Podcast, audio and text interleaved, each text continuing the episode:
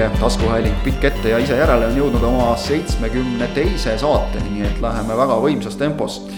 meie lugupeetud peatoimetaja on jäänud äh, lootusetult kinni puhkuserüppe, nii et äh, soovime talle sellel puhul õnne, aga see tähendab seda, et äh, meie saatetegijate koosseis on juba mitmendat saadet stabiilselt sama.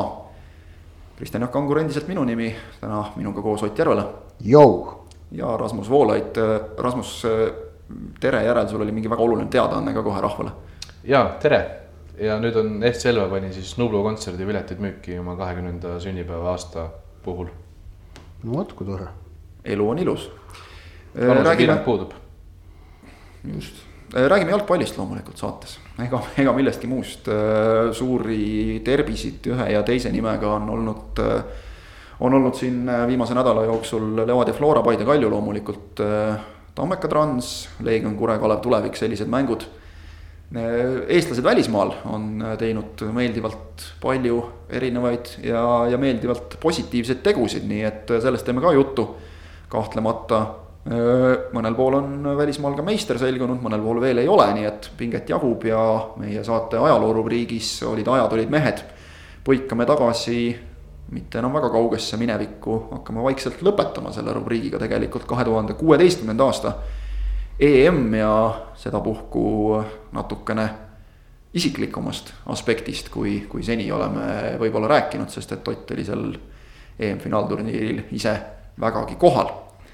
aga premium-liigaga loomulikult alustame ja ei ole vist väga muud varianti, kui hakata juttu rääkima Levadia Flora kohtumisest. jälle võit Florale. Nagu ühele sellisele kohtumisele omane, siis ka väga palju pärast äh, igasugust äh, arvete klaarimist, äh, seletamist, kuidas oli, kuidas oleks pidanud olema, aga, aga räägime alguses ikkagi mängust endast. ütleme nii, et selle augu vist ikkagi Levadia kaevas endale lõppkokkuvõttes ise, sest et Flora kõik kolm väravat, julgen küll öelda, tulid ikkagi Levadia kaitsjate, kaitseliini jämedatest prohmakatest ja see vastab tõele, et see mäng üldiselt jättis mulle sellise mulje, et tegelikult seda, mida Jürgen Henn mulle pärast mängu intervjuus ka ütles, et, et, et viik oleks olnud meile täitsa okei okay tulemus. ja mul on tunne, et see mäng oli teise poole keskpaigast saadik selline, kus minu meelest viik oli mõlemale täiesti okei okay tulemus. ja, ja mõlemad natukene olid ka selle viigiga natukene ka leppinud, aga ma ütlen natukene, mitte lõpuni. ja tõsi on see, et, et sellega oli vähem leppinud Flora aga nad oleks ka selle viigi vastu võtnud ja, aga samas mul oli tunne ka, et Levadia oleks selle viigi vastu võtnud, neil oli tähtis, oli see, et mitte kaotada tegelikult ikkagi. aga lõpuks jah, ehitati endale taga need, need väravad ära ja, ja Levadia noh, ütleme erinevad hädad on seda klubi siin nüüd terve hooaja saatnud, aga nüüd, nüüd üks asi, mida võiks küll nagu, kuhu võib näpu peale panna, on on stabiilsus kaitseliinis, et kui eh, hooaega alustati viiemehelise kaitseliiniga, viimased neli mängu on nüüd tarvitatud neljamehelist kaitseliini. aga selles nelja mängu väl-, vältel mitte kordagi pole kaks mängu järjest sama kaitsepaar seal väljakule tulnud. et seal on Maksim Podholjuzin on need mängud kõik mänginud, aga tema partneriteks on olnud järgemööda siis Zurab Otšigava, Marko Lipp, Aleksandr Safronov ja nüüd jälle Otšigava. et eh, see on see noh, Vladimir Vassiljev möönis ise ka pärast mängu, et ta tahaks äh, stabiilsemat, äh, äh, stabiilsemat kaitsepaari. ja, ja noh, eks, eks näis, seda peab nüüd Levadia siin otsima hakkama, aga seis on see, et neil on kohe järgmine mäng Paidega on ju, et, et. et jah, tõsi, Paide, kes ei ole praegu kõige paremas hoos, aga no ikkagi, et ei ole, ei ole lihtne see seis Levadial.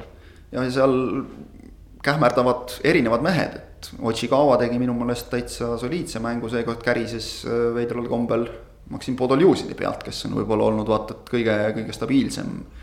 Podoljuzin on varasemates mängudes ka siin, siin hiljuti ma ütleks ikkagi tulnud sisse.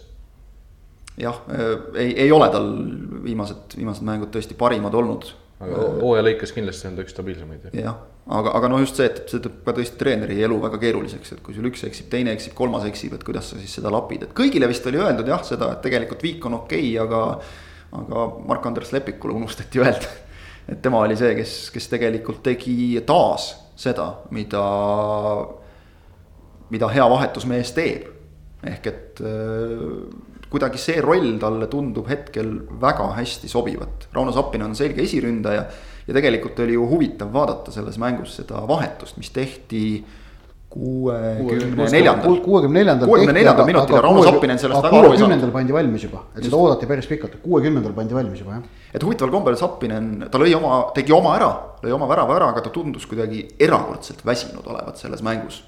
veidral kombel, tegelikult juba esimesel poolel mingites olukordades mm. -hmm. et, et kas nüüd tõesti pidi natuke lõivu maksma selle eest, et ta on siin kogu aeg mänginud, kogu aeg löönud ka raske on treeneril välja jätta sellist meest, kes sul igas, igas mängus ühe lööb, et Zappinin ei ole ju oma neid väravaid korjanud äh, nii, et noh, paugutan kuskil tabeli tagumisel otsal on mingis mängus neli ja siis olen neli mängu kuival, vaid ta lööb praktiliselt igas mängus. Need viis tippmängu, äh, mida Flora on võitnud Paide, Kalju ja Levadia vastu. Zappinen on löönud neis värava igaühes, välja arvatud see neli-null mäng Levadiaga kus talle ametlikult väravat kirja ei panda, aga ta tegelikult lõi, tõsi küll, suluseisust lõi selle. aga no okei okay,, jätame selle kõrvale, aga põhimõtteliselt jah, ta, ta lööb ka iga tippmäng värava. ja selles mõttes Flora nagu see ründe, nimetame siis seda nagu ründetandemiks selliseks omamoodi, et Lepik tuleb ja teeb alati, ta on teinud ka siin mängudes, kus tegelikult noh, mäng on juba tehtud, aga ta tuleb näljaselt, lööb ühe veel juurde. ehk praegu klapib kuidagi väga hästi Lepikuga on väga huvitav äh, see, et kui ma, kui ta eelmisel aastal tuli sealt Šveitsi esiliiga klubist Winterthurist tagasi ja lõi väravaid euromängus äh, Nishi Rednitskile, siis ma tegin temaga silm peale loo, mida loodetavasti on ikka saatekuulajad on vaadanud ja panin pealkirjaks krooniline suvine paugutaja ja sisust leiab lõigu, et lause, et lisaks teatas ta, et niimoodi juulikuus Eesti jalgpallimaastikul pildile, pillile trügimine pole tema jaoks midagi uut, ehk siis kolmas aasta järjest, mees tuleb ja hakkab juulis vägevalt nagu tegema. jah, loodame, et otsa ei saa siis. loodetavasti nüüd siis seekord nagu püsib terve ja on, on nagu päriselt ka tagasi ja, ja mängib oma potentsiaali välja, mida ta. seekord oleks vaja nagu euromängudes ka teha samamoodi, et, et loodetavasti jätkab samas vaimus. mingil määral ma ütleksin, et eh, Flora mängus natuke oli näha Vladislav Kreida puudumist kui me vaatame kasvõi Levadia väravat, mille Juri Kolomojets lõi, see, see tuli noh, natuke selle koha pealt, et sellist päris puhast nagu kaitsvat, sellist lõhkuvat poolikut Floral äh, koosseisus ei olnud. Martin Miller ei ole mänginud äh, keskväljal viimasel ajal hirmus palju mänge, just eriti ütleme siis selles keskvälja duos. ma mõtlen viimast aega nagu vähe, vähe pikemat, pikemat aega, ta on ikkagi Floras olnud pigem äärel. ehk et äh, natuke Kreida puudumine andis märk, noh, seda oli näha, ütleme. aga suures plaanis see siiski nii palju tunda ei andnud, kui oleks võib-olla võinud arvata. Ja Milleri, Milleri ei mänginud absoluutselt Kreida moodi küll, et selles suhtes. ta ei mänginud ka Kreida kohta. Soomets oli pigem tema kohal. ja, Kreida kohta küll. mängis Soomets ja Miller mängis nii-öelda Soometsa kohta. just, seda ma mõtlengi, et noh, natuke tuli seal ümber vangerdada, eks ole, aga et. et, et suures plaanis ei suutnud Levadia ka seda ära kasutada. et kui tegelikult enne mängu võis noh, nii-öelda esitada selle põhiküsimuse, et, et kuidas Flora korvab Kreida puudumist, siis kenasti kokkuvõttes. Ja Soomets on muidugi noh, teda me oleme juba kiitnud, äh, on mulle jätnud ikka tegelikult väga hea mulje sel hooajal. ehk et võib-olla noh, okei okay,, Flora on neid võtmemängijaid täis, aga, aga see on, see on muljetavaldav. kuidas ta on võtnud teatava sellise enesestmõistetavusega selle keskvälja koha enda kätte ja, ja teised mehed, kes on premium liigas endale nime küll teinud, need istuvad jah, nii on. kuhu, kuhu, kuidas Levadial nagu edasi jälle minna siit nüüd? jälle on selline selg vastu seina olukord. no tähendab ühelt poolt nagu oleks, ühelt poolt nagu oleks, on ju, ma ei tea, selg vastu seina või kõik, kõik väga halvasti, aga nüüd tuleb silmas pidada seda, et noh, nii halvasti see kõik nüüd ka ei ole, et jah, Flora käest saadi nüüd kaotus ja Florale jäädi alla ja Florast ollaksegi selgelt praegu nagu paistab maas. Noh, kuigi need, ega need marginaalid seal tipus nüüd nii suured ei ole, aga kuna Flora on näidanud väga kindlat minekut just nendes tippmängudes, siis järelikult nad ikkagi on teistest praegu klassi võrra paremad. no kümne punktiga maas praegu, see ja, on ikkagi suur vahe tegelikult. aga, aga noh, Kalju ja Paide on ju sealsamas, et selles mõttes selles supis on nad kenasti sees ja ja noh, lihtsalt tulebki nüüd võidelda esmalt selleks, et tõusta tabelis teiseks ja kui see koht on käes, siis tuleb hakata vaatama, kas on veel mingit varianti Florat püüda, on ju. Et selles mõttes nagu mingiks nagu paanikaks nüüd ka Levadial põhjust ei ole ja Levadia üks selge eelis äh, Kalju ja Paidega võrreldes on nende pink. et neil ikkagi on, koosseis on neil selgelt paksem kui Kaljul või Paidel ja äh, hooaeg on pikk äh,, tõsi, nüüd läheb graafik veidikene hõlpsamaks, ehk et neid äh, nädalasisesed voorud on läbi. nädalasisesed voore nüüd natukene aega peaaegu üldse ei tule. Aga, aga ikkagi, et, et see, see paksem koosseis annab Levadiale, ma usun, pikas plaanis eelise ja, ja võimaldab neil nagu noh, kasvõi, kasvõi treeningprotsessi äkki veidikene kvaliteetsemalt läbi viia, on ju, ja mis, mis omakorda võiks siis avalduda väljakul. et see on see, millele Levadia peab toetuma ja sellest siis otsima nagu uut impulssi, uut jõudu. vaja on saavutada mingisugune kindlus, et, et nagu need kohustuslikud tulemused ära võetaks. Ja, ja siis, siis tippmängudes püüda nagu midagi kõrgemat, nüüd, nüüd see järgmine mäng Paidega, noh. ütleme, noh, ma ei tea, aga mul, mul on tunne, et, et ka see on selline mäng, et viik ei oleks nüüd Levadia jaoks tingimata halb tulemus. sõltub, kuidas see mäng läheb seal võib olla ka selline, et viik võib mõlema jaoks isegi natukene sobida, Paide jaoks ma usun, sobib viik. Neil on vaja see kaotuste seeria nagu seisma saada, nad ei tunnista seda ja nad muidugi lähevad seda mängu võitma, see on, kõik on arusaadav äh,. aga noh, tegelikult on seis see, et kui see mäng lõpeb sellise, ma ei tea, üks-üks viigiga, kus väravad lüüakse esimesel poolajal. no ma ei usu, et kumbki lihtsalt tohutult pettunud platsilt ära läheb. sellepärast, et see emotsioon tulemusest on tähtis seal just, ei saa me üle ega ümber loomulikult ka sellest olukorrast, mis leidis aset teisel poolajal seisul üks-üks, kus äh, Henri Järvelaid võttis Levadia meeste tsenderduse oma karistusalas noh, väga selgelt käega alla, kui vaadata kordusi. kohtunikud seda ei näinud, võib-olla isegi äh, peakohtunikult Kristo Tohverilt olnuks seda keeruline oodata, sest Järvelaid varjas oma kehaga tema eest palli. küll aga öö, äh, noh, ma arvan, et kui kohtunikud ise ka seda üle vaatavad, siis joonekohtunik leiab ka ise, et, et selle oleks võinud ära näha või oleks pidanud nägema. ja ei no see on selgelt nagu olukord, kus noh, ma ei tea, üheksakümmend protsenti kohtunikest, kui seda näevad, vähemalt annavad penalti, on ju et seal nagu seda juhuslikuks käeks või tahtmatuks käeks tõlgendada, eriti noh, seda ruumi on seal üpris vähe aga.... ei tulnud lühikese distantsi pealt ega midagi. üks konks, mis selle juures on, on see, et Järvelaid oli karistusalas noh, sisuliselt üksinda.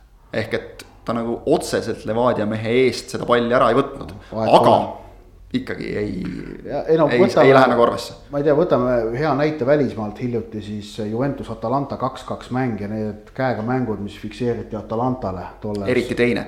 tolles mängus, et aga, aga noh, jällegi kummaga osas nagu midagi vaielda ei olnud, puhtad käed, puhtad penaltid. et tegelikult nagu see ka, aga ja no ma kujutan ette, et Levadia on selles mõttes päris pahandatud, et kui me meenutame eelmist hooaega, siis ühes Tallinna derbis ju sai Flora penalti, kui Kirill Nesterovile võeti käega mäng, käsi oli väga selge, aga see käsi oli ikkagi väljaspool trahvikasti. aga sealt tuli penalti Florale, millest ma nüüd vist nad võitsid ka selle mängu või, või see aitas neid igatahes sinna võidule väga selgelt lähemale. et, et noh penalti eksimused on, on selles mõttes kas siis andmata penaltid või valesti antud penaltid on nagu noh, jalgpallis väga suure kaaluga ja. Levadial on põhjust olla pahandatud, aga noh, nüüd ainult sellele viidata ei oleks siiski naiivne, et me räägime äh, pärast seda, seda intsidenti oli veel tund aega mängi-, pool tundi mängida ja noh, selle kestel oli võimalik nagu muid asju saavutada. Levadial tekkis ju tegelikult veel paar varianti ka äh, noh, ei saadud raamidele pihta ja lõpuks eksiti kaitses. aga see penalti eksimus jah, noh, see, see oleks pidanud olema penalti. üks huvitav nüanss sellega seoses veel, et Levadia pani need äh, videoklipid äh, kolm tükki üles äh, või, või kaks tükki, jah, kolm tükki, kõik kolm olid videod, pani üles ka oma Instagrami kontole. mängupäeva õhtul, järgmise päeva hommikuks neid seal enam ei olnud. et see tekitab nüüd küsimuse kui palju üks klubi võib kohtunike otsuseid nii-öelda noh, avalikult oma kanalites kritiseerida. ma toon siinkohal ära olulise nüansina selle, et, et esimene video, mis oli noh, kes neid ei näinud, oli, oli tsenderdusest, mille siis Järvelait käega tõesti kastis maha võtab. juures tekst, võimalik ainult Eesti jalgpallis ja kolm punkti. teine oli kaader kohtunikest, mängus tehtud joogipausi hetkel selle kohal on äh, hüüumärk, küsimärk, hüüumärk, küsimärk, hüüumärk, küsimärk. ja kolmas on äh, veel kord suurendatud, aegluubis kordus sellest äh, käega palli mahavõtmisest ja siis kolm sellist mõtlikku emotsit. jah, ma tahan, ma, ma sellest intsidendist veel korra seda, et, et kuigi see oli jah, tõesti nagu ikkagi noh, päris, päris selge penalti, siis samas tuleb tõdeda, et kohtunike jaoks seda märgata oli ka päris, päris keeruline et.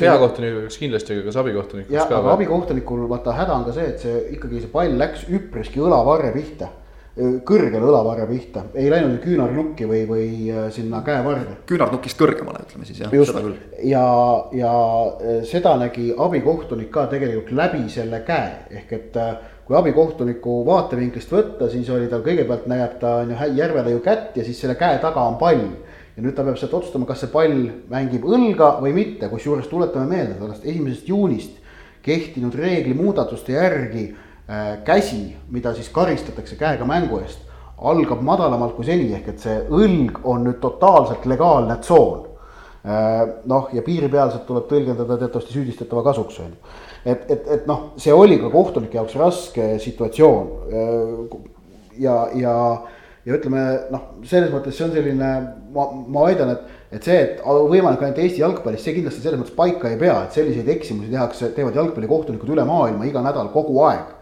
ja need on ühed sellised eksimused, mille jaoks on noh, varr välja töötatud ja, ja ka kasutusele võetud seal, kus see on võimalik, Eestisse enne ülejärgmist aastat nüüd ei saabu, see on selge. ja ka siis noh, ütleme jah, Tallinna derbidest hakkab ilmselt olema, aga mitte kõikides mängudes, aga aga noh, see on selline varri, varri situatsioon tegelikult väga selgelt. Sest et kui ma praegu vaatan, kui me räägime siin vaatenurkadest, siis on see, et, et kui me noh, vaatame neid samu Instagrami story sid või telepilti, siis see on väravatagune kaamera, kust on tõesti väga selgelt seda ja, näha, aga kohtunikku ühte kohtunikku seal ju paraku ei ole. just, just, et mõelge seda, et kust nagu pidid abikohtunikud seda vaatama ja, ja noh, pluss on see, et kas abikohtuniku primaarne fookus tolles olukorras, kui Zenderis lendab kasti, kas on sellele, et kas kaitsja mängib käega või noh, ta jälgib ikkagi mingeid suluseisu elemente seal on ju ja äkki midagi muud. ma, ma siin nüüd ei õigusta äh,, aga ma selgitan, miks see, miks seda penaltit ei määratud. noh, minu sellise, ütleme oma parima teadmise pealt. aga mis puudutab neid, neid Levadia, siis noh, Instagrami postitusi, mis on sealt kiiresti siis kadusid, ma ei tea, kas jalgpalliliidu käsul või või soovitusel või, või ka klubisisese mingisuguse kor-, korrektsiooni teol.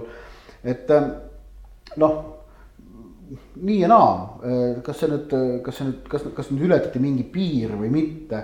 et äh, noh, piir, mida ei tohi ületada, on see, et, et öelda, et äh, kohtunik on, kohtunik meelega vilistas kellegi poolt või kellegi vastu, et see on nagu, see on ebaaus, sest kohtunikud seda ei tee aga samas seda, kui klubi ütleb, et kohtunik tegi vale otsuse ja, ja tegi halb või, või tegi halva partii või noh, see on nagu normaalne ju seda öelda, et samamoodi me räägime mängijatest, kui nad midagi noh, eksivad kuskil, Maksim Podohjuzin eksis ka tolles mängus kolm korda. noh, kohtunike brigaad eksis ühe korra, noh, et selles mõttes ei ole väga hull, on ju, aga noh, ja eksimus oli, oli tõesti, oli olemas.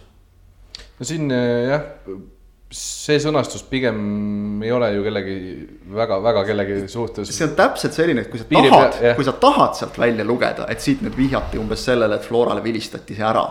või noh, jäeti siis andmata penalti, kuna see oli Flora siis loomulikult on seda võimalik sealt lugeda, aga samas ei, ei ole seda nagu no, otse öeldud. Et... võtame ühe mängu tagasi, Levadia Leegion ja no äh, päevselge penalti Levadia vastu jäeti andmata, kui oli vist Kando, Kando, Kando põhimõtteliselt lõi jalaga rindu German Schleini mm. -hmm. ma nägin pressitribüünile ära, et see on penalti, ma hüüdsin kohe penalti. põhimõtteliselt no niimoodi noh, instinktiivselt, et noh, nüüd tuleb. kõigi esmane reaktsioon ja, oli see. ja siis oli see, et, et ei, ei näinud seda ei peakohtunik ja ei näinud abikohtunik, kusjuures tolle penalti nägemine oleks pidanud olema abikohtuniku jaoks oluliselt lihtsam, kui me räägime sellest Järvelevi intsidendist et noh, mäng varem Levadia sai täpselt samasuguse otsuse enda kasuks, nüüd läks enda kahjuks, juhtub jalgpallis paraku noh. ja, ja ikkagi hooaja lõikes noh, tahame või mitte, aga tasandavad ära need asjad. tõsi, jah, seal on see nüansi erinevus, et kas sul on seisul üks-üks Flora vastu või kui sa juhid kaks-null Leegioni vastu, et noh, et, et need asjad on nagu erinevad, aga noh. aga ütleme kaks, kaks-null Leegioni vastu, Leegion oleks tulnud mängu tagasi, saanud enesekindlust juurde no mine tea. kes jah. ütleb, et Levadia ei oleks võinud laguneda ja leppida näiteks selles mängus pärast viigiga. no et, jaa no,, kõike võib juhtuda, aga noh, ütleme. aga Tallinna derbis, kui sa saad juhtima minna, see on ikkagi ilmselgelt kõige suurema kaaluga. oleme ausad, need otsused olid natukene erineva kaaluga aga, aga samas otsused selles mõttes, et noh, et äh, andmata penaltid on selles mõttes täiesti sada protsenti samad. et ei ole nagu midagi noh, et öelda, et, et äh, Levadia vastu tegutsetakse, no see, sellel ei ole alust, noh. me näe-, jah, räägime üldse, et noh, meil oli esimene ring koroonapausilt naastes, et noh, oli kohtunike jaoks äh, keeruline tõsi, ka võistkondade jaoks oli see keeruline, kes meenutab seda jalgpalli, mida me nägime seal maikuu lõpus või juuni alguses ja võrdleme seda praegu väljakul nähtavaga. no see on nagu öö ja päev, et see oli ikka väga krobeline mäng, samamoodi olid ka kohtunikud äh, krobelised äh,. pärast esimest ringi minu meelest on nagu kohtunikest me oleme rääkinud väga-väga palju vähem ja esitused on läinud selgelt paremaks.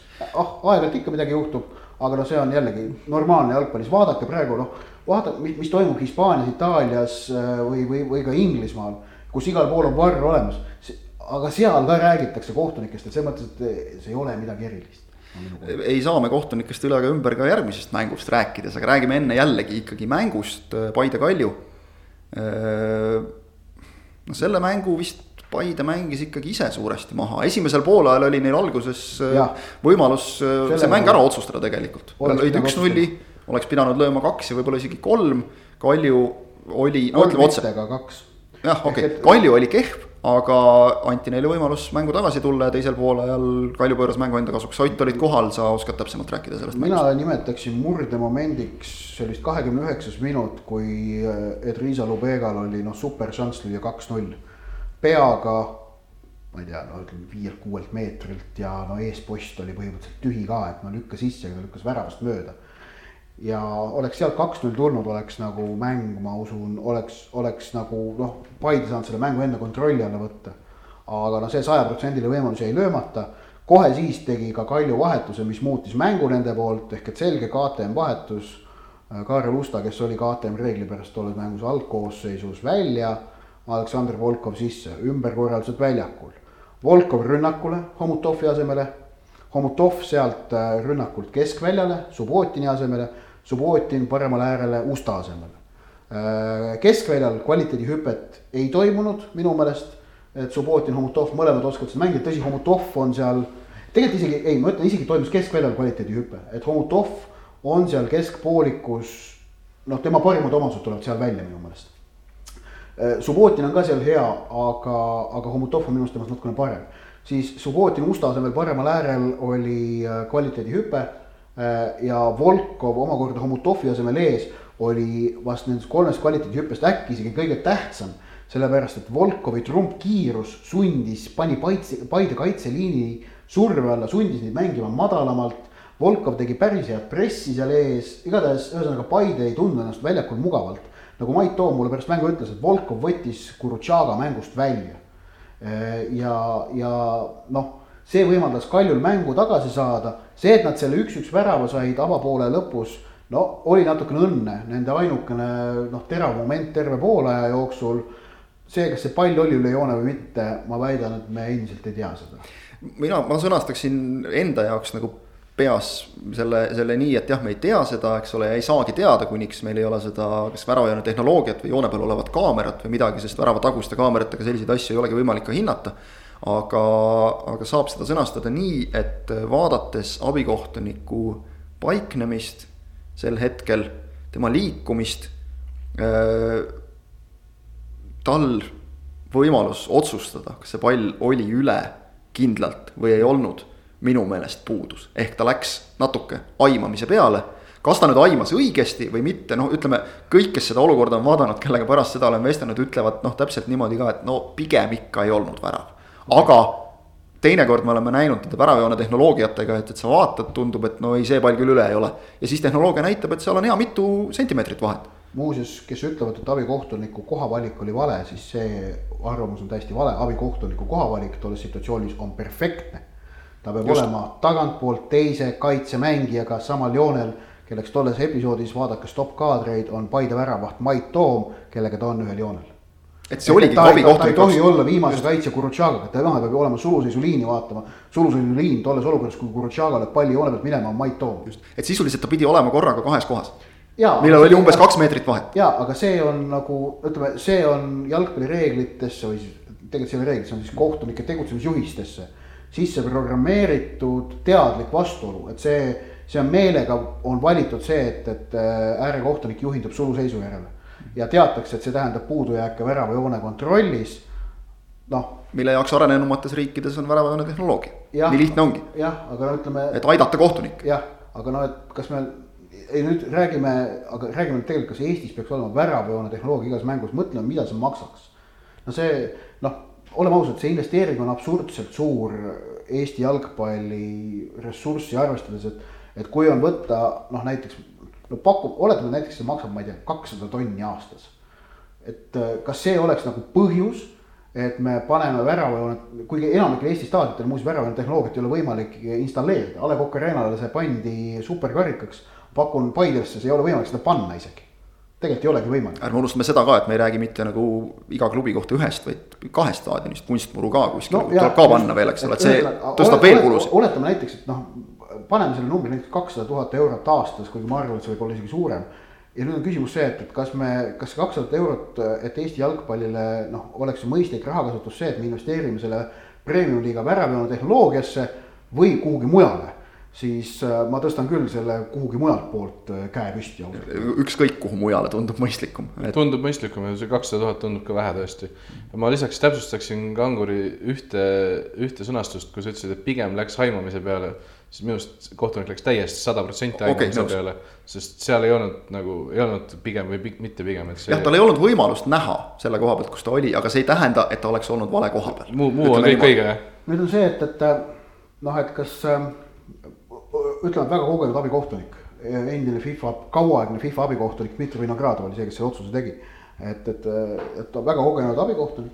aga nüüd on see, et, et, et kohtunik sellises olukorras jah, et kui sa ei saa näha, siis sa pead tegema otsuse oma, ütleme, parima äranägemise järgi, eks ole. noh, järelikult sellel hetkel see impulss seal seest käis, käis niipidi ja nüüd on see, et kas see, mis Vinogradovil seda kogemust võib olla, ligi kakskümmend viis aastat, noh kakskümmend kindlasti on ju et kas see kakskümmend aastat piiri peal olemist, kas see selle aja jooksul kogutud kogemused äh, vedasid teda sel hetkel alt või mitte, noh, seal on see, et äh, ei tea.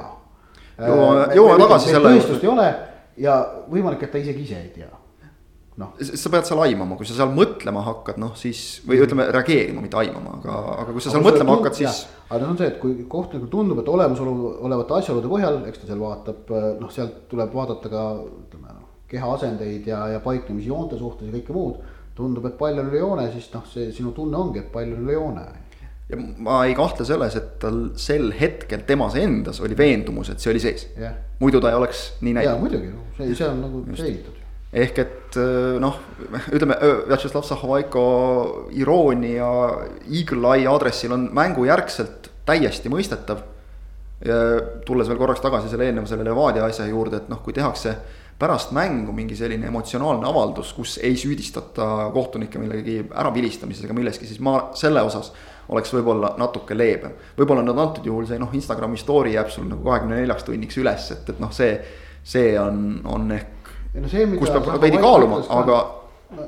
seal ei ole noh, lõpetame ära, me ei taha ju mingit täiesti nagu ära nüsitud mingisugust poliitkorrektset. minu arust Haiko ütles briljantselt või nagu ja. täiesti. täpselt. ta on näha, on, on näha seda, et ta on suhteliselt kogenud treener juba premium-liiga kontekstis, kes on mõned aastad asja sees olnud ja. no ütleme nii, et mingid keelud trahvid kätte ka saanud. just mõndagi öelnud juba varem ka ja nüüd ta, ta on need mõned sajad ära maksnud liidule, nii et, et ta oskab juba. oma stiili nagu sättinud ja ma arvan, et see on juba suhteliselt seal, kus ta tahab, et see oleks. selles on oma elegants, selles on, mulle meenub, kas see vist äh, Murillo, kes kunagi enne mingisugust mängu ülevoolavalt äh, kiitis kohtunikke siis talle üritati ka mingit trahvi väänata selle eest, et äh, ei tohi sõna võtta, aga, aga noh, lõpuks said kõik aru, et see on ju tegelikult absurdihuumor ja see annab kõik nagu teatavat värvi, et ja. kui jah, keegi ei lähe nagu kohtunike sõimamise peale otse, siis ma ütleks, et laske, laske inimestel emotsioonid välja elada okay aga mängu juurde tagasi. jah, aga tollest mängu, tollest episoodist edasi minnes, siis, siis noh, teine poolaeg oli see, et, et kuhu nagu. Noh, see, et Paide lasi ennast sellest üks-üks väravast, ma eeldan, et sellest nagu rööpast välja lüüa, see nagu näitab, see on ohumärk. Äh, ja, ja see oli nagu halb märk, et noh, Kalju tuli teisele poole, võttis mängu oma kontrolli alla, lõi kaks tükki ära. Paidel löödi jälle standardist värav ehk et Flora vastu kaks tükki nurgalöökidest, seekord üks noh, probleemid on, ehk et äh, see, mis ma tõesti kaks nädalat tagasi rääkisin täiesti siiralt, et Paide on jalgpallilise veenvuse poolt Eesti teine sats. ja tol hetkel ta oligi, siis nüüd need mängud Flora ja äh, Kaljuga, ma Narva mängu sinna kusjuures väga ei laseks sellest häirida, aga just nimelt Flora ja Kaljuga on ilmselgelt näidanud, et, et noh, nüüd on jällegi seis muutunud. et nad on seal jalgpallilise veenvuse poolest seal noh, neljas, tabelis on nad hetkel viiendad tuleviku vastu, tahaks. Nende omavahelist mängu teist ma ikka ootan huviga, mis et millal, kuidas siis läheb, et esimene mäng mäletatavasti tulevik võitis, et. et tuleb huvitav, aga, aga noh, neil on võimalik nüüd Levadia vastu jällegi vigade põrandust teha, et. Et seal on kaks jällegi haavatud satsi vastamisi. jah, sest et äh,. viisteist august, Viljandi tulek, Paide linnameeskond no mm. -hmm. ei ole kaua oodata. Mikkel Gurutšaga. mul on puhkus. ütleme kõige, jah, mõnel. Mikkel Gurutšaga ilmselt äh, kõige halvem mäng Eestis, vähemalt nagu niimoodi fakte vaadates, et oma värav. Äh, no see heita, see on, see on täiesti. see oli ebaõnn, äh, punane kaart, noh ja, ja nagu sa ütlesid, Volkov võttis ta mängust välja ikkagi ja, ja Gurutšaga Gurutšagaks, aga see tähendab seda, et nüüd sel hooajal esimest korda ei mängi järgmises mängus Paidel mitte keskkaitsepaar Gurutšaga Kase, vaid on Kase Pelt. ehk et me oleme seda tegelikult natuke isegi oodanud, et äh, kuidas, kui Pelt mängiks, kuidas ta hakkama saaks. nüüd saame teada. jah, äh, ma ei ole kindel, kas see Gurutšaga kõige halvem mäng Eestis, et noh, ta, ta on noh. no eks ta no, ole vahepeal en, ennem ka nagu halbu partiisid sisse sattunud, aga praegu oli, oli noh, see teine kollane kaart oli naiivne jah, et ma ei tea, kas ta oli ära unustanud, ta oli kollane all oma poole eest, aga noh. sellises kohas sellist viga tegema ei olnud vaja, ei oleks tohtinud ja noh, sellega võttis nagu meeskonnalt väikese šansi ära, kuigi. Mul on tunne, et ega Paide poleks siin üks-kolme pealt anyway tõusnud ausalt öelda. ei, ei, ei olnud Paide mängus nagu seda nägu, et nad tulevad välja. ei ole midagi parata, aga jah, et Luts ja Sanech, aga eriti minu arust Lutsu seda teravust rünnakul on see, millest on puudust. see otsustavus, see klass mis Lutsul on olemas, no vot seda praegu napib. Võib-olla just jah, see enesekindlus isegi, millega ta teeb asju, aga.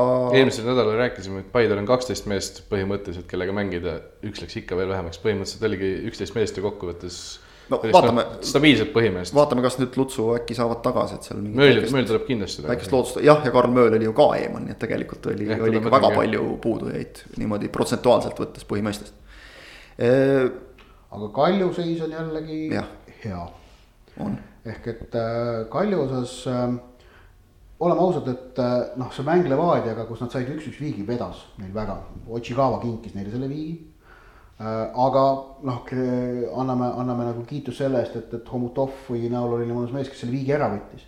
ja sellele järgnes mäng Kuressaarega, kus nad võitsid üks-null ja no läbi, läbi suure-suure häda võitsid üks-null.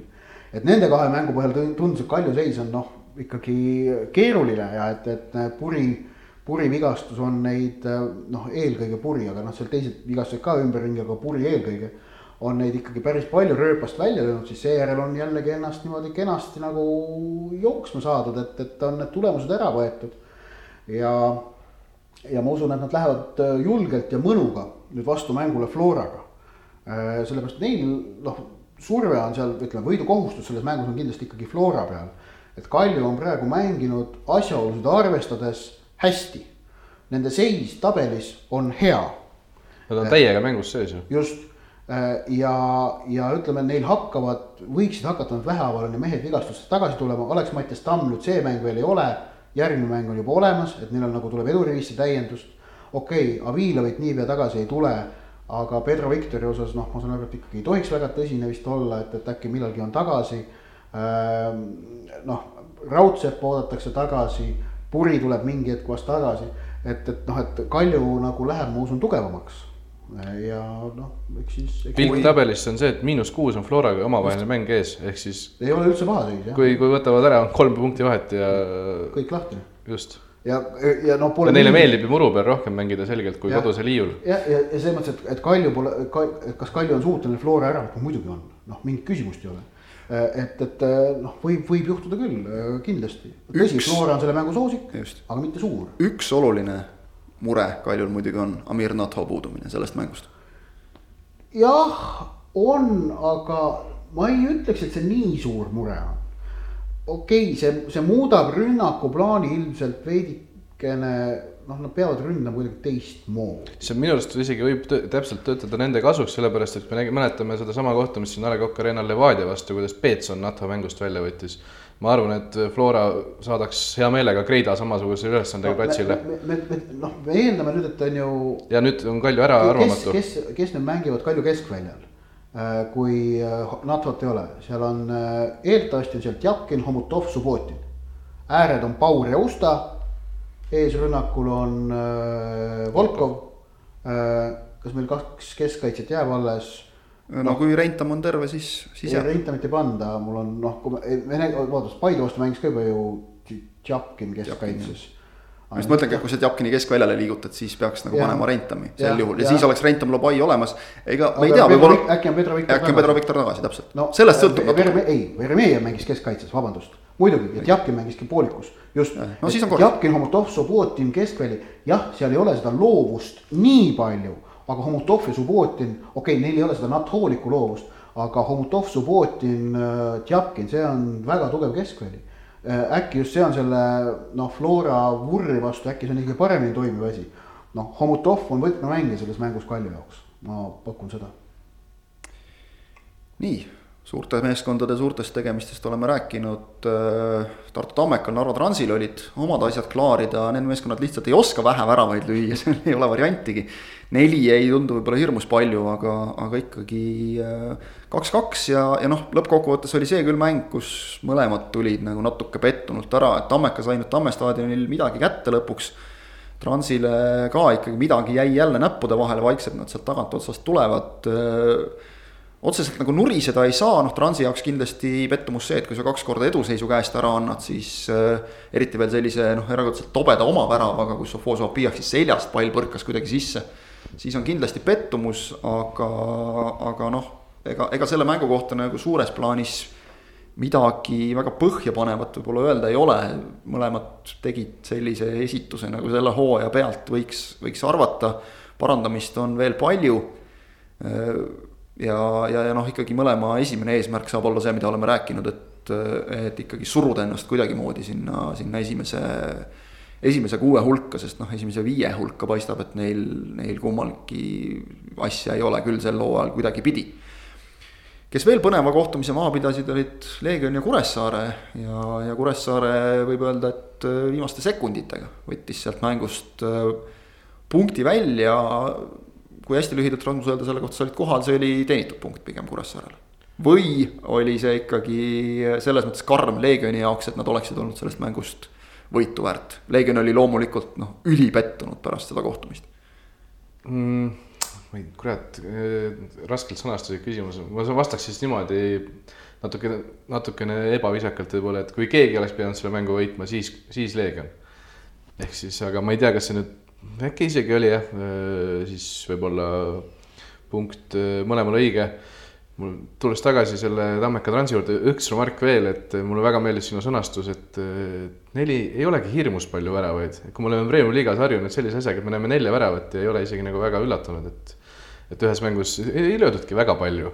ma mõtlesin just nende kontekstis. Nende kontekstis jah, seal kuus, kuus neljad ja asjad. sellepärast mulle Premiumi liiga meeldib ikkagi, et siin me näeme väravaid aga aga Leegion eh, tõesti, kui Šatov pärast mängu ütles, et kurat, ma oleks pidanud enda kolm või neli võimalust ära lööma, mis mul olid ja kui ma läksin, eh, olin, olin juba kastis ja läksin nurgalippu juurde hoidma, et tegelikult oleks pidanud ikka värava peale minema.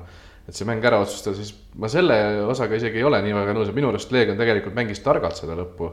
ehk nad ei läinud eh, sirgjooneliselt värava peale, kui neil võimalus oli, vaid, vaid nad tõesti mängisid aega ja nii edasi ja ja nad, nad ei jäänud niivõrd hirmsa Kuressaare turmtule alla, et, et see värav oli aja küsimus. ehk selles mõttes äh, ma ütleks, et Leegion nagu enda mängu küpsuse ja tarkuse poolest vääris seda võitu küll, aga, aga Kuressaare nii-öelda tuli ja tuli ja tuli, mitte hirmus kõvasti, aga tulid ja tulid uuesti ja uuesti ja uuesti ja see töö lõpuks kandis vilja ja see oli selline tüüpiline Roman Kožuhovski mängu lõpp. et see, seda peatreeneri käekirja igasugustest asjadest seal Kuressaarest, erinevatest külgedest igalt poolt kiirgab vastu lihtsalt ja see ei, ei väsi kiitmast seda, seda duot Košovski ja Kuressaare tandemit see on kahtlemata äge, vaatasin praegu tabelisse ka korraks, et äh, tegelikult meil kohad, jaa Tubli. vahelduseks. Ajakirjanik. meil tegelikult meeskonnad kohtadel kuuendast kümnendani on äh, seitsme punkti sees, et mängida küll ja veel ja olles ise vaadanud ka Kal- Tallinna Kalevi ja Viljandi tuleviku mängu, siis noh. Kalev mängis tegelikult äh, hästi, väga hästi, ma ütleks, paremini, kui ma neid esimese poole just, kui ma neid olen, olen sel hooajal näinud mängimas, võib-olla isegi vaata et parim poolaeg millest neil endiselt jääb puudu, on see, et eh, isegi mitte tingimata rünnakute teravus, vaid rünnakute lõpetamine pealelöökidega. Eh, ja loomulikult noh, Masti tõmbas maha see, et natuke õnnega pooleks tulevik neil esimese poole lõpus ära lõi ühe. Ricochet oli seal väike, mis, mis viis Tanel Langi löögi täpselt ristnurka. ja, ja, ja noh, siis Jakob Tambergi noore kaitsja eksimused, kus ta võttis endale võttis endale kaks kollast kaarti, jäi meeskond vähemusse ja, ja noh, teise poole alguses selleks hetkeks oli juba tulevik löönud ka oma klassikalise suurepärase kontrarünnaku tulemusena äh, kaks-nulli ära. kui ikka lasta seal äh, Maarin Kapper, äh, Herol ja, ja ka Kristjan Kase, Kase paneme sinna juurde. kui need vennad ikka jooksma lasta, siis, siis on pahasti enamikul premium-liiga meeskondadest rääkimata Kalevist, aga Kalevi jaoks kindlasti sellest mängust ka on, mida kaasa võtta, nii et on endiselt nad küll tabelis viimased, jällegi vist kaheksa mängu nüüd juba üks värav löödud ainult. aga, aga noh, nagu me oleme palju rääkinud, see meeskond ka kergelt alla ei anna, nii et usun, usun neilt ka midagi veel näeme. eestlastest siin kodumaal sai nüüd räägitud päris palju, aga on tõesti põhjust rääkida ka nendest Eesti koondislastest, kes välismaal mängivad. Saime endale ühe järjekordse välisriigi meistri juurde, Ilja Antonov Armeenia meister, Ararat Armeeniaga. Äh, ülimalt äh, tasavägises ja, ja põnevas liigas ja, ja põnev lõpplahendus oli ka, aga tegelikult selles viimases kohtumises. nii palju, kui seda ise silmanurgast jälgisin, äh, seal ikkagi Ararat Armeenia pani oma paremuse selgelt maksma, Ott, sina rääkisid Ilja Antonoviga pärast tiitli kindlustamist ja, ja noh, aru oli saada, et see on seal riigis selles mõttes ühele jalgpallurile vägev kogemus, et ei ole nii, et surutakse kätt, minnakse laiali, vaid seal ikkagi tähistatakse ka nii nagu, nii nagu ühte tiitlit peab tähistama. jah, bankett, bankett oli algamas, kui ma, kui ma Iljaga juttu ajasin. nüüd on küsimus, kas tänaseks on bankett lõppenud ka või kestab endiselt? ilmselt ikka on, ilmselt ikka on, aga. no esmaspäev. aga, aga noh, tähendab ajakirjaniku amet üks selliseid vahvaid või üks vahvamaid äh, osi on see, kui on noh, võimalik juttu ajada inimesega, kes sellel on just nagu, kes on just noh, saavutanud enda jaoks midagi tohutult olulist ja on selle üle noh, läbinisti ja varjamatult rõõmus, et selline intervjuu mul Ilja Antoniga ka oli. kes pole lugenud Sokratis, siis, siis on väga paha, minge kohe lugema. aga, aga ja see, see nagu tekitab endal ka vaata hea tuju ja ma loodan, et ka lugejal, kes seda loeb, et see tekitab sellise hea tuju ja ja positiivse noh, on võimalik äh, emotsiooni, et see ongi nagu väga tähtis. jalgpallilise poole pealt äh, iga välisriigi tiitel on, mis Eesti jalgpallur võidab, on kõva sõna ja, ja tõesti suht-koht nagu eranditeta. Et see, et Kevin Kauber on Walesi ja Albert Prosa Malta meister, et äh, see ei ole ka mingi köki-möki, vaid, vaid need asjad ikkagi noh, nende asjade, nende tiitlite taga peitub äh, korralik hunnik tööd ja, ja tugev saavutus. Neid ei anta niisama välja. ja noh, Armeenia ammugi, et, et äh, see klubi, kus Antonov mängib, tuletame meelde, et ikkagi sügisel olid nad ühe penaltiseeria kaugusel Euroopa liiga alagrupi turniirist. Et sellises klubis äh, olla äh, no ei saa öelda, et ta oli põhimees, on ju, et ta nagu mänguaeg oli, kord oli, kord ei olnud, aga ta oli selgelt nagu ütleme, selline noh, meeskonna tugev liige.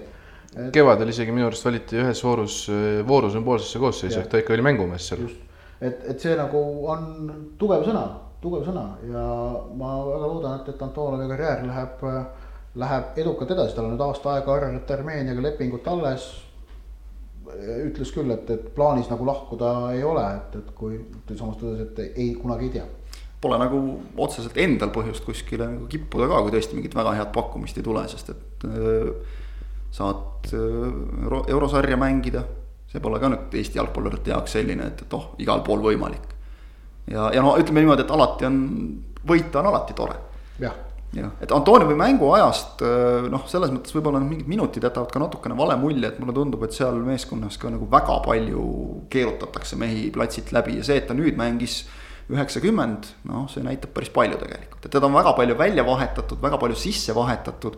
aga ütleme, et noh, poolaja vahetus ei ole nüüd tingimata jalgpallis selline kõige tavalisem asi aga mulle tundub, et Armeenias on, on see nagu täiesti, et ka Nikita Baranovit on näiteks keskkaitset on seal vahetatud poolel sisse, poole ajal välja ja see. seal on äkki viis vahetust lubatud, mis on nüüd hooaja lõpus on ja. Äh, nagu poole vahetus on jällegi just, tavaline asi. et see, see ei ole nagu mingi, seda küll, see ei ole nagu mingi näitaja täpselt see konks ka, eks ole, et see on tasuta vahetus, aga mulle üleüldse tundub, et seal nagu. ka, ka enne seda koroonapausi juba nagu vahetuse tegemine ja noh, ei, ei ole sihuke asi, et nüüd ma ei ole sinuga rahul, ma võtan su välja, vaid lihtsalt. seda tehaksegi natukene nagu kergema käega aga Antonov selles meeskonnas täiesti ilmselgelt on, on üks tegijatest, nii et äh, väga huvitav on kindlasti vaadata ka seda, äh, kui me näeme, et mis, mis mehed siin Armeenia liigasse on, on kokku tassitud. et, et ta, ta võib endale järgmiseks hooajaks võib-olla nüüd sellesama meistrite liiga koha toel mõne väga-väga nimeka meeskonnakaaslase jälle saada, et, et kui siin Johan Kufranid ja, ja muud sellised mehed mängivad või siin noh. selline tunne on kohati, et pool Eesti liiga legionäridest on, on kuskile Urartusse maandunud, siis, äh, siis see saab ka olema omamoodi omamoodi põnev. meie kaitsjad lõid, lõid väravaid siin, Artur Pikk, Joonas Tamm, aga Tammel ikkagi see hooaja lõpp päris nii hästi ei läinud, nagu, nagu Desna oleks ilmselt lootnud, esikolmiku koht läks, läks käest ära ja. ja ühes sellega tuleb ka Euroopa liigas natukene madalamalt alustada, otsealagruppe ei saadud, saadi nüüd kolmandasse kvalifikatsiooniringi. kolmas ehk siis eel, eelviimane kvalifikatsiooniring jah no siin ütleme kolm-neli, neli vooru enne hooaja lõppu võideti kaks mängu järjest, tõusti tabelist teiseks, teine koht oleks tähendanud meistrite liiga kohta. Desnale, kuna Ukrainas on, on piisavalt tugev koefitsient, euro, eurosarjade koefitsient ehk ehk esimene saab otse meistrite liiga alagruppi, see, see on muidugi selgelt broneeritud juba enne hooaja algust Donetski Šahtjarile, kes võitis kahekümne kolme punktiga sel aastal liiga. Ja teiseks siis Kiievi Dinamo tänu tugevale lõpule sai, aga tõesti seal teisest neljandani Luhanski, Soria ja, ja Desna kolme punkti sees kahjuks jah, Joonas Tamm lõi küll eelviimase, eelviimases voorus oma hooaja esimese ja ainsa värava. selline tüüpiline Tamme värav nurgalöögi järel peaga, aga, aga kahjuks viimased kaks mängu kaotati. üks-kolm Aleksandriale, vabandust, viimane mäng muidugi mängiti viiki eile Sorjaga vastu, aga see põhimõtteliselt et äh, pigem oli Desna jaoks kaotus, sest äh, võidu korral oleks tõustud kolmandaks, oleks saadud otse Euroopa liiga gruppi, kaotuse korral jäädi, jäädi kolmandasse Euroopa liiga eelringi, mis muidugi äh, sellise väikese, väike klubi jaoks, kus on Joonas Tamm on ainus legionär, iseenesest ma arvan, et tegelikult klubi jääb hooajaga väga rahule, et teise koha mängus sees olid üldse. eurosari oli neil kindlasti eesmärk, et noh, ja see saadi kätte, nii et. no sinna oleks saanud ka kuuenda kohaga, kuna aga, aga, aga nad olid jah, ikkagi kuuendast kohast kakskümmend neli punkti eespool. Äh, nii et äh, üleüldse selles plaanis noh, eriti nagu isiklikus plaanis meie mängijatele. ma arvan, et Joonas Tammelt väga hea hooaeg. väikene tagasilöök siin hooaja lõpus oli seitse-kaheksa vooru enne lõppu, kui tegi mm, sellesama Šahtjori vastu halvema mängu, paar mängu oli pingil, aga pärast seda stabiilsena üheksakümne, üheksakümne minuti mees jälle ja ma arvan, et niisugune nii kõvas liigas suures mängus sees olla Joonas Tammelt, ma usun, elu parim hooaeg. just, et me vist ei kujuta väga hästi nagu ette ka, et see Ukraina liiga on tegelikult väga kõva liiga, et, et see, seda tuleb hinnata, kui mees seal mängib ja, ja murrab, nii nagu sa ütlesid, algkoosseisu tagasi jälle. kes ka said üle pika aja platsile, millest on kindlasti rõõmu, noh, Erik Sorgal olid, olid muud põhjused temast mitte sõltuvad USA-s ja, ja näis, kuidas seal üldse olukord areneb nelikümmend viis minutit ta seal mängida sai, midagi küll väga ei teinud, aga oli ka DC United äärmiselt just ründe suunal kahvatu ja kuidagi hästi, hästi kammitatud selles mängus. sellest tema nädalast, ma arvan, tal on, on mida rääkida sellest. tal ilmselt on mida rääkida, et vaatame, äkki õnnestub saada kontakti temaga, aga Mattias Käit ka lõpuks platsil tagasi. Noh, saame näha, tal on seal väga palju ka temast mittesõltuvaid küsimärke ilmselt, aga, aga ennekõike jääme selle juurde, et mees tegi jälle siin ja kaks korda nelikümmend viis. kaks korda nelikümmend viis, et noh, see on vigastusest naasva mängija jaoks ka selline esimene samm, et. et näis, kuidas seal Domžales läheb, seda teame ka, et seal võivad asjad olla teinekord väga etteaimamatud, nii et ei ole mõtet ennustama ega pakkuma. kaheksas koht ära seal Loval liigas, täpselt see noh, miinimumprogramm, ma usun, Tammsaare jaoks oli. ehk siis ei langeta välja ja mängida üleminekumänge, kõrgemale ka ei saa tõusta, noh, ma usun, et ikkagi sihid tegelikult, no Sloveenia liiga on väga ühtlane, seal võid, on klassikaline, et võivad kõik kõiki võita, aga ma usun, et taheti ikkagi mängida eurokohtade peale. see läks väga varakult ära sel aastal paar treenerivahetust ja noh, vähemalt, vähemalt jäädakse püsima ja äkki tuleb mingi stabiilsus ka järgmiseks jah. Käidil lepingut on kolmeks aastaks vist, kui ma ei eksi. esimene nüüd peaks läbi olema. siis pikk leping oli igatahes. ehk et, et näis, mis tast saab. Mees, kes sai ka väljakul jälle ja algkoosseisus ja nüüd nagu ikka päris heas liigas. oli Georgi Dunjov jälle ja, ja taas seeria A-s algkoosseisus ja seekord ka tõesti väga hea mäng sa, Rasmus, nägid seda, seda mängu oma silmaga, minul endal ei olnud kahjuks eile võimalik vaadata, aga aga meie mees, no ütleme, et vist annab ikka A-koondise taseme välja juba. ma usun küll, et annab A-koondise taseme välja jah, täpsustan, käidi leping jah, kahe tuhande kahekümne teise aasta suveni on. aga Dunjov, no see, ta ikka, ta on mängumees, tõesti mängumees äh, ta mängis nüüd, mängis kaheksakümmend seitse minutit paremal äärel kui esi, eelmises mängus, eelmises, ehk siis üle-eelmises pallimängus, eelmises enda algkoosseisu mängus tegi nelikümmend viis vasakul äärel ja siis natuke teise poole alguses, teise poole alguses paremal, nüüd mängis terve mängu paremal äärel. Väga aktiivne mees, jälle olid kõik standardolukorrad põhimõtteliselt, tema omad proovis karistuslöögist isegi peale lüüa. Läks müüri, eh, kuus-seitse nurgalööki äkki ja kaks väga head võimalust karistusalas värav lüüa ka. mõlemal puhul põhimõtteliselt ise ikkagi lõpuks endale löögi ette mängis, esimesel pool, esimesel poole lõpus mängiti ta vabaks karistusalas. kõksis kahe-kolme puutega endale ette otse õhust vasakuga, põhi, peaaegu nagu üle puusa proovis sinna taha posti ära vajutada, läks mööda noh, oleks pidanud raami lööma tegelikult, aga üldse see, kuidas mees seeria A-s niimoodi endale ette võtab ja mängib üheksateistaastasena teist korda algkoosseisus, võtab ja lööb no see mees pakatab enesekindlusest tegelikult, et äh, no kihvt vaadata. no mina mängu ei vaadanud, aga ma nüüd kuulan seda, mis sa räägid ja ma vaatan ka ütleme väliste märkide järgi otsustades, et talle nagu, teda usaldatakse seal. Ega muidu sääraseid võimalusi vast ei antaks. mulle tundub, nagu et, mulle tundub, et teda mängitakse nagu siin hooaja lõpus järgmiseks aastaks sisse, et äh, no võib-olla on, on see, et tahetakse maha müüa, ma absoluutselt ei tea, et äkki proovitakse tema turuväärtust tõsta, see on nagu spekulatsioon, aga ma arvan ise et teda mängitatakse järgmiseks aastaks Serie B-sse sisse, kuhu nüüd kukutati ja et ta seal hakkaks suuri minuteid mängima, kandvas rollis olema ja nii edasi. leping on tal kaks aastat minu meelest, nii et tegelikult ütleme, kui talle anda nüüd korralik Serie B hooaeg, siis tema turuväärtus võib pigem veel tõusta, kui hakata teda praegu. ma ei näe ka põhjust, miks peaks, miks peaks nagu enda andekat noormängijat lihtsalt Just. äh, maha müüma. kindlasti on Spallil mingeid mehi, kes noh, tahavad ise lahkuda, kui nüüd, sest Serie B-sse kukkumine sai nüüd kahjuks selgeks ja mingi äh, Andrea Betanjad ja mingisugused just, sellised nimekad mehed. kes tahavad ise minna, keda tahetakse müüa, kellel on ilmselt kõrged palgad, Dunjovi palk on tõenäoliselt noh, mingid naljanumbrid esialgu, esimene profipalk, äh, profileping. mitte meie jaoks naljanumbrid, aga. no mitte meie jaoks jaa, me võtaks vastu, aga, aga suure jalgpalli mõistes. ja, ja noh, igatepidi see on äge, et, et kui ta ka mängib uue hooaja seeria B-s. Äh, mul ei oleks kahju sellest. mul ei oleks selle, sellest ka üldse kahju. tõenäoliselt saab ta seal rohkem minuteid, kui ta saaks seeria A-s, ükskõik mis, mis koosseisuga Spal seal mängiks, nii et äh,. tõesti hoiame pöialt talle ja, ja tundub nagu igatepidi, igatepidi vahva poisiga ka tegu olevat ja, ja, ja seda on just hea meel kuulda, et enesekindlus. see on ju kõige tähtsam asi, mida noormängija saab teha, täpselt see, et, et sa ei mida me oleme ühe teise Eesti klubiga seoses rääkinud, et kui noor mees läheb väljakule, siis sa ei karda eksida. sa julged teha ja isegi kui eksid, siis eksid, mis seal ikka. eelmine mäng Dunjovil ei olnud liiga hea, ütleme okei okay,, seal oli kogu meeskond kehv. nüüd sai uuesti võimaluse ja, ja selle kirjelduse järgi kasutas ka väga hästi selle ära. Itaalia liiga tagumisest otsast tippu hüpates, siis seal nagu ei taha võita keegi, et Juventus on siin viimasest äh, kolmest mängust kaks punkti saanud, äh, kaotus kaks viiki ja, ja pakub nagu kandikul Atalantale ja, ja Interile, et äh, tulge, tulge kõrvale, siin on neli, neli vooru veel minna, Juventusel endal viis mängu veel mängida.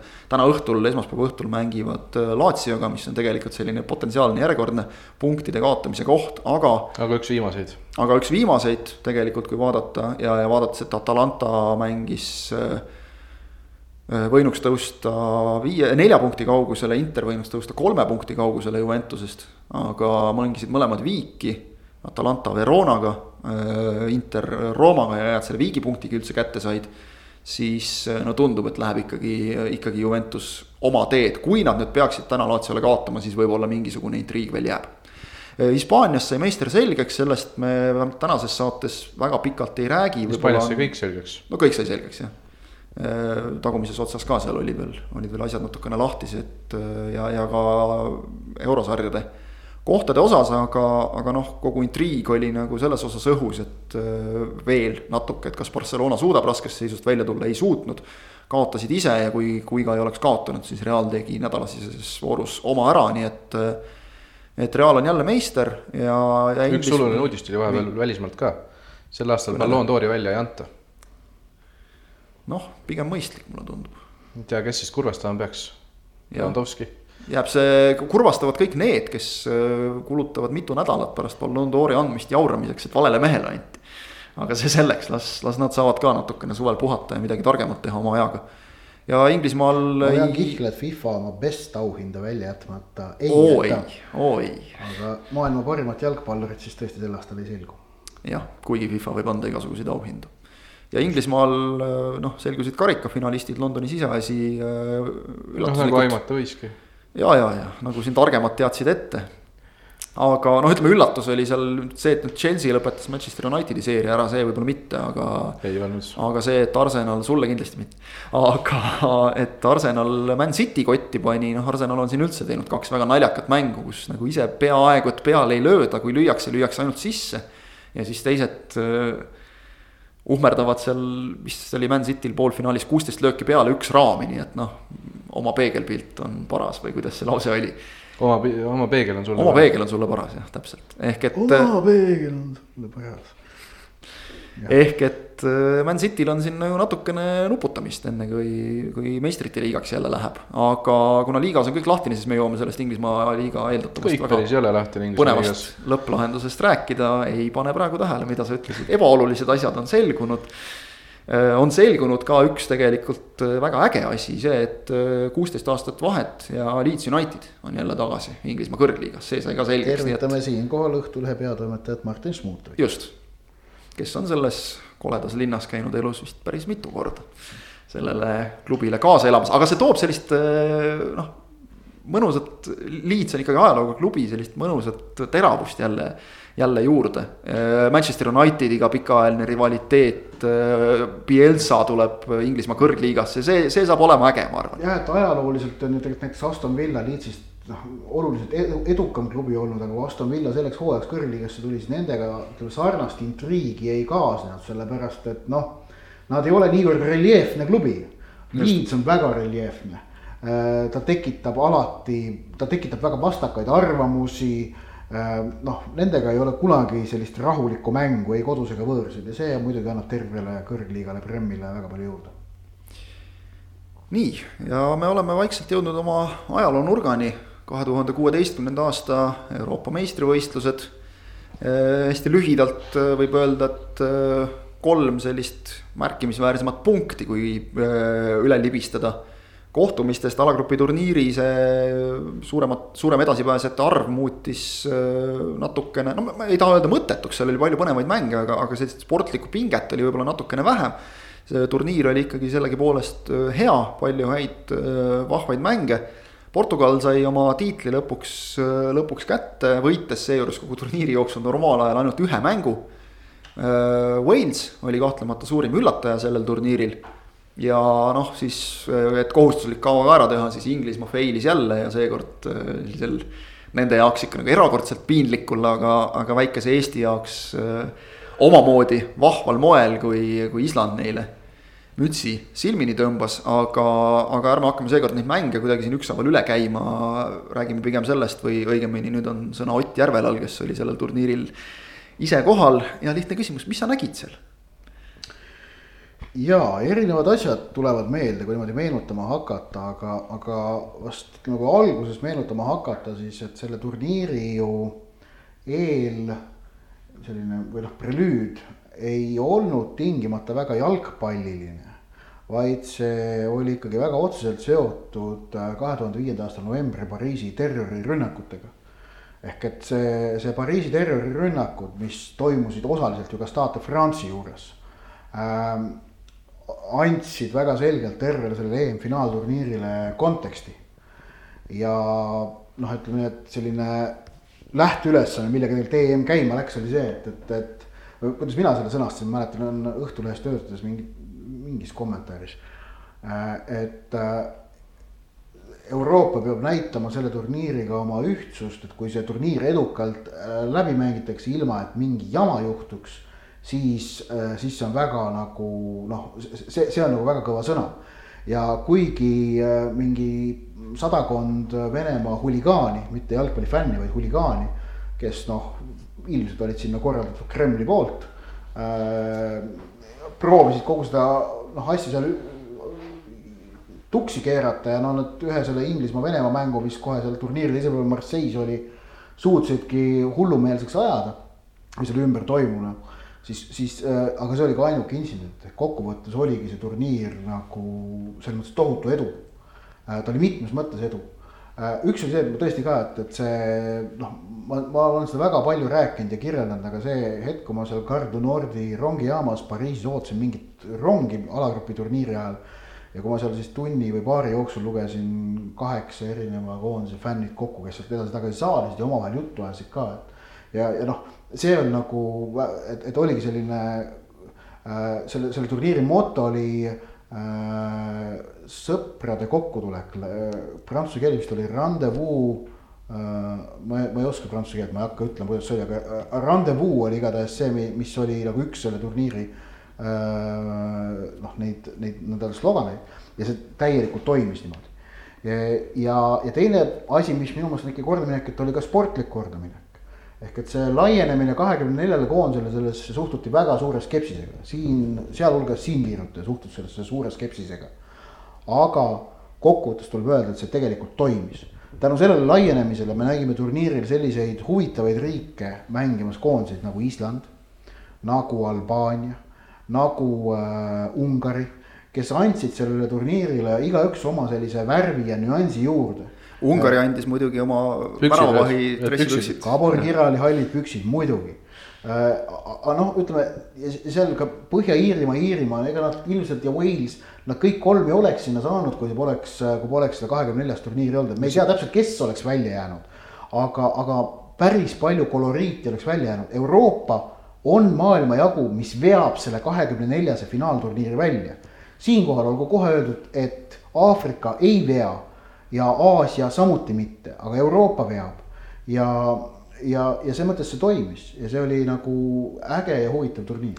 kas sa Põhja-Iirimaa fännidega ka kohtusid? ja, ma olin. kas sa laulsid nendega ka? ma, ma käisin, ma, ma kajastasin kahte Põhja-Iirimaa mängu. esimene oli äh, Ukraina Põhja-Iirimaa Lyonis, mille nad võitsid kaks-null. Äh, ja ja see oli see, kus nagu Ukraina fänne oli ka natukene, aga põhjaiirlasi oli seal juba noh, Lyonis meeletult tohutult palav ilm oli, ma mäletan ähm,. Aga, aga noh, neid oli ka seal noh, igatahes saaliti ja see, see Lyoni staadion on linnast veidikene eemal, et sinna jõudmine võttis natukene aega. aga see oli Põhja-Iiri pidu oli seal ümber äh,, aga aga, aga veel rohkem on mul meeles ikkagi nende alagrupi viimane mäng Saksamaaga, see oli siis äh, Pariisis, aga mitte Stade France'il, vaid, äh, vaid sellel äh, Parc des Princes staadionil, BSG äh, kodustaadionil. ja see oli, Põhja-Iiri minu meelest, nad vist suht-koht teadsid, et üheväravaline kaotus neile sobib. sest see oli see kolmanda kohtade võrdlus on ju igatahes nad null-üks kaotasid, see neile sobis. ja nad said viimasena edasi kolmandate kohtade sotsides. jah, aga nad pidid vist viimane päev lootma millelegi äkki.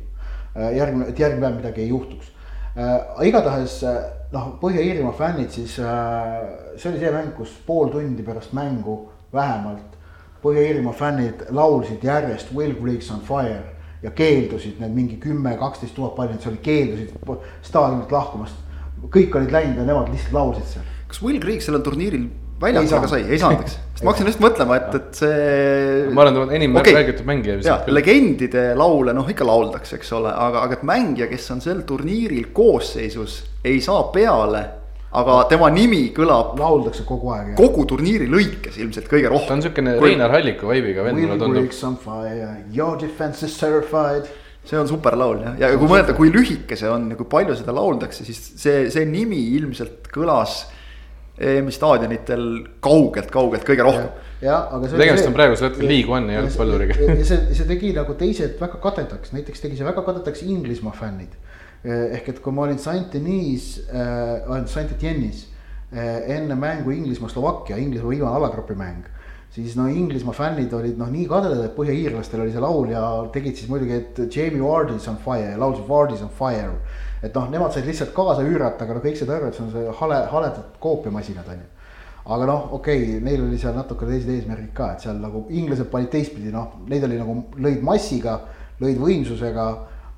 ja noh, oli ka teistpidi äge jah natuke, natuke ka lõid rusikaga, nii et see ei olnud hea. fännidele respekt, et seesama Slovakkia mäng null-null, väga nagu inetu mäng, on ju. aga, aga seal oli ka mingid teise poole alguses Inglismaa mingid äh,. Inglismaa fännintervjuu või fännisektor võttis selle ka, laulu üles ja nemad panid siis niimoodi, et kuigi meeskonnal ei tulnud midagi välja. Nemad panid lõpuvileni nelikümmend mintse järjest, iga, mitte kordagi peatumata, kogu aeg laul käis ja see oli ka muljetavaldav Äh, mis sul veel meeles on, kui me nüüd nagu sportlikust poolest räägime ka natukene, et äh, mis, mis. lõpus läksid tagasi. mis mäng neist nähtutest sulle nagu kõige sügavamat muljet avaldas, kui sa oskad nii öelda? ütleme alagrupis, alagrupi turniirilt ähm, noh, jah, erinevaid variante, mõnes mõttes ma nägin pealt seda Tšehhi-Horvaatia kaks-kaks mängu, mis peatati seal, kui, kui Horvaatia fännid loopisid, on ju, mingit, äh, protesteerisid seal alaliidu vastu ja. Aga sportlikult äh, alagrupis, noh, Island-Austria viimane mäng oli äge, see, kui Island võitis kaks-üks, tõsi, nad olid vist edasi, olid nad vist isegi viigiga juba igatahes. aga see Island. seal oli vist. Austrial oli midagi vaja, et mingigi lootus säilitada ja siis kontrast, kas mitte ei jõuda. just et, et aga, aga noh, alagrupi turniiril ma ei ütleks, et mul sellist nagu sportlikku maasikat tingimata meelde jääb. aga siis play-off'ist esiteks muidugi Saksamaa-Itaalia üks-üks veerandfinaal, penaltiseeria, kus lahenes üheksanda löögiga.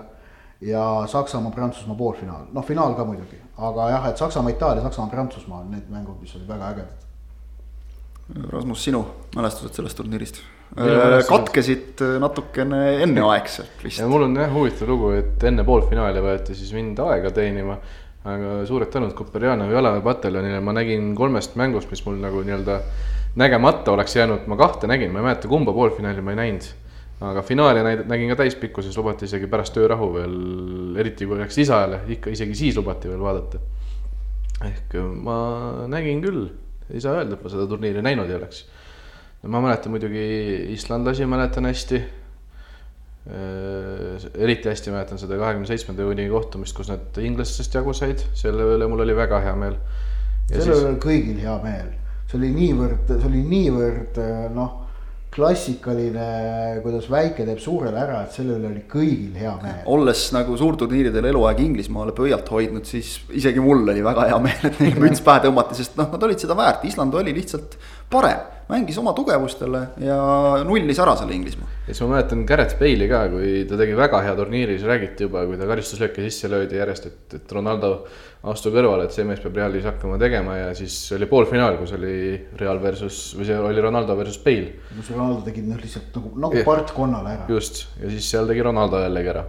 mängu ja, ja siis noh, finaal kogu sellega, et, et noh, kokkuvõttes kogu see Portugali teekond, ma, ma siiamaani ikkagi saan ülbitseda ja, ja uhkustada sellega, et. et Õhtulehes toona me andsime, tegime turniiri eel sellise ajakirja üksikmüüki eraldi nagu kaheksakümmend külge ja noh piltidega ja puha ja kõik, kõik nagu päris nagu välismaal Vär,. värvilised pildid olid sees. nagu välismaal, on ju. ja siis selle esikaanele panin ma Ronaldo pildi ja teksti, et eh, Ronaldo viimane suur võimalus. Ütleme nii, et rohkem täkkesse poleks olnud võimalik esikaanega panna. äkki on, kui Ronaldo nüüd MM-i võidab? no tollel turniiril polnud rohkem võimalik täkkesse panna esikaanega et, et see nagu, et, et, et Portugali tegelikult noh, jah, nad olid seal nende seas, kes võivad tulla meistriks. aga nad ei olnud ikkagi soosikud ja nad tulid ja tegid ära selle ja kuidas nad ennast alagrupist läbi vedasid, siis kaheksandikfinaalis Horvaatia vastu oli kehvem võistkond väljakul. Aga lisaaja lõpus Quaresma ja Ronaldo tegid mängu, otsustasid ära. veerandfinaalis võitsid Poolat penaltitega, kus, kusjuures Ronaldo ähm, seal ju rääkis, kas oli, kas ta rääkis Joao Moutinho ära, et ei, tuled ikka lööma, sa oled hea penaltilööja. ära karda, ära põe, tuled ja lööd. ma äkki oli Moutinho oli, oli kas MM-il või e, mingi, mingil varasemal turniiril eksinud. et Ronaldo põhimõtteliselt pani satsi ja lõid viiest viis Poola vastu ja läksid, läksid edasi, on ju.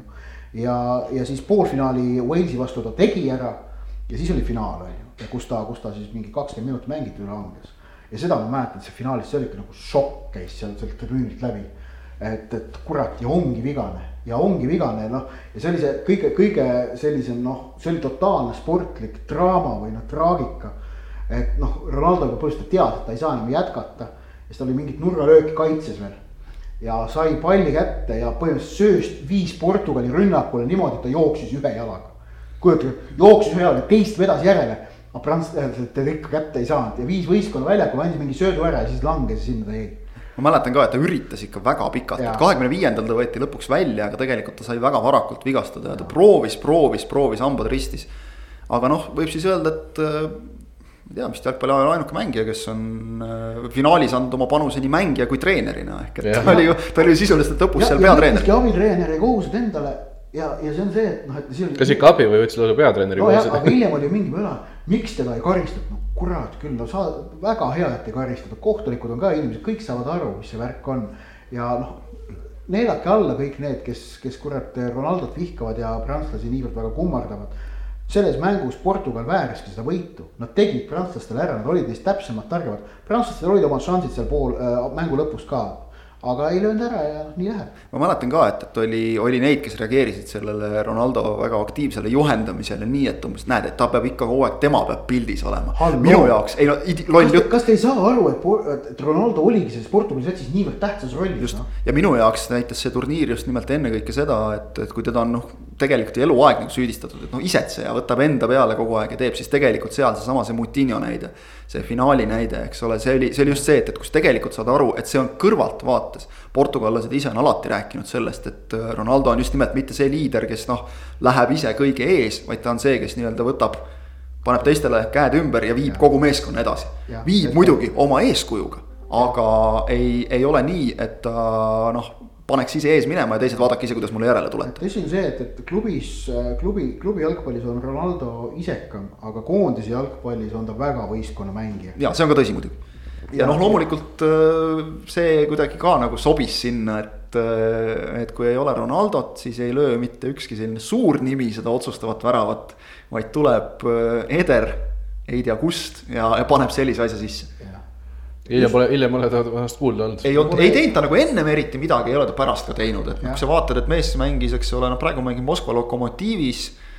noh, sel ajal oli ta veel seal äh, ametlikult nagu Swansea City mängija, siis Lilli laenatud, et noh, ta nagu, ta on, on olnud ja on teinud Portugali koondises ka kolmkümmend viis mängu, viis väravat, aga noh, ega, ega see, see on ja jääb tema karjääri tipphetkeks, aga see, sellistes asjades on midagi ägedat, et ei tule see kõige suurem staar.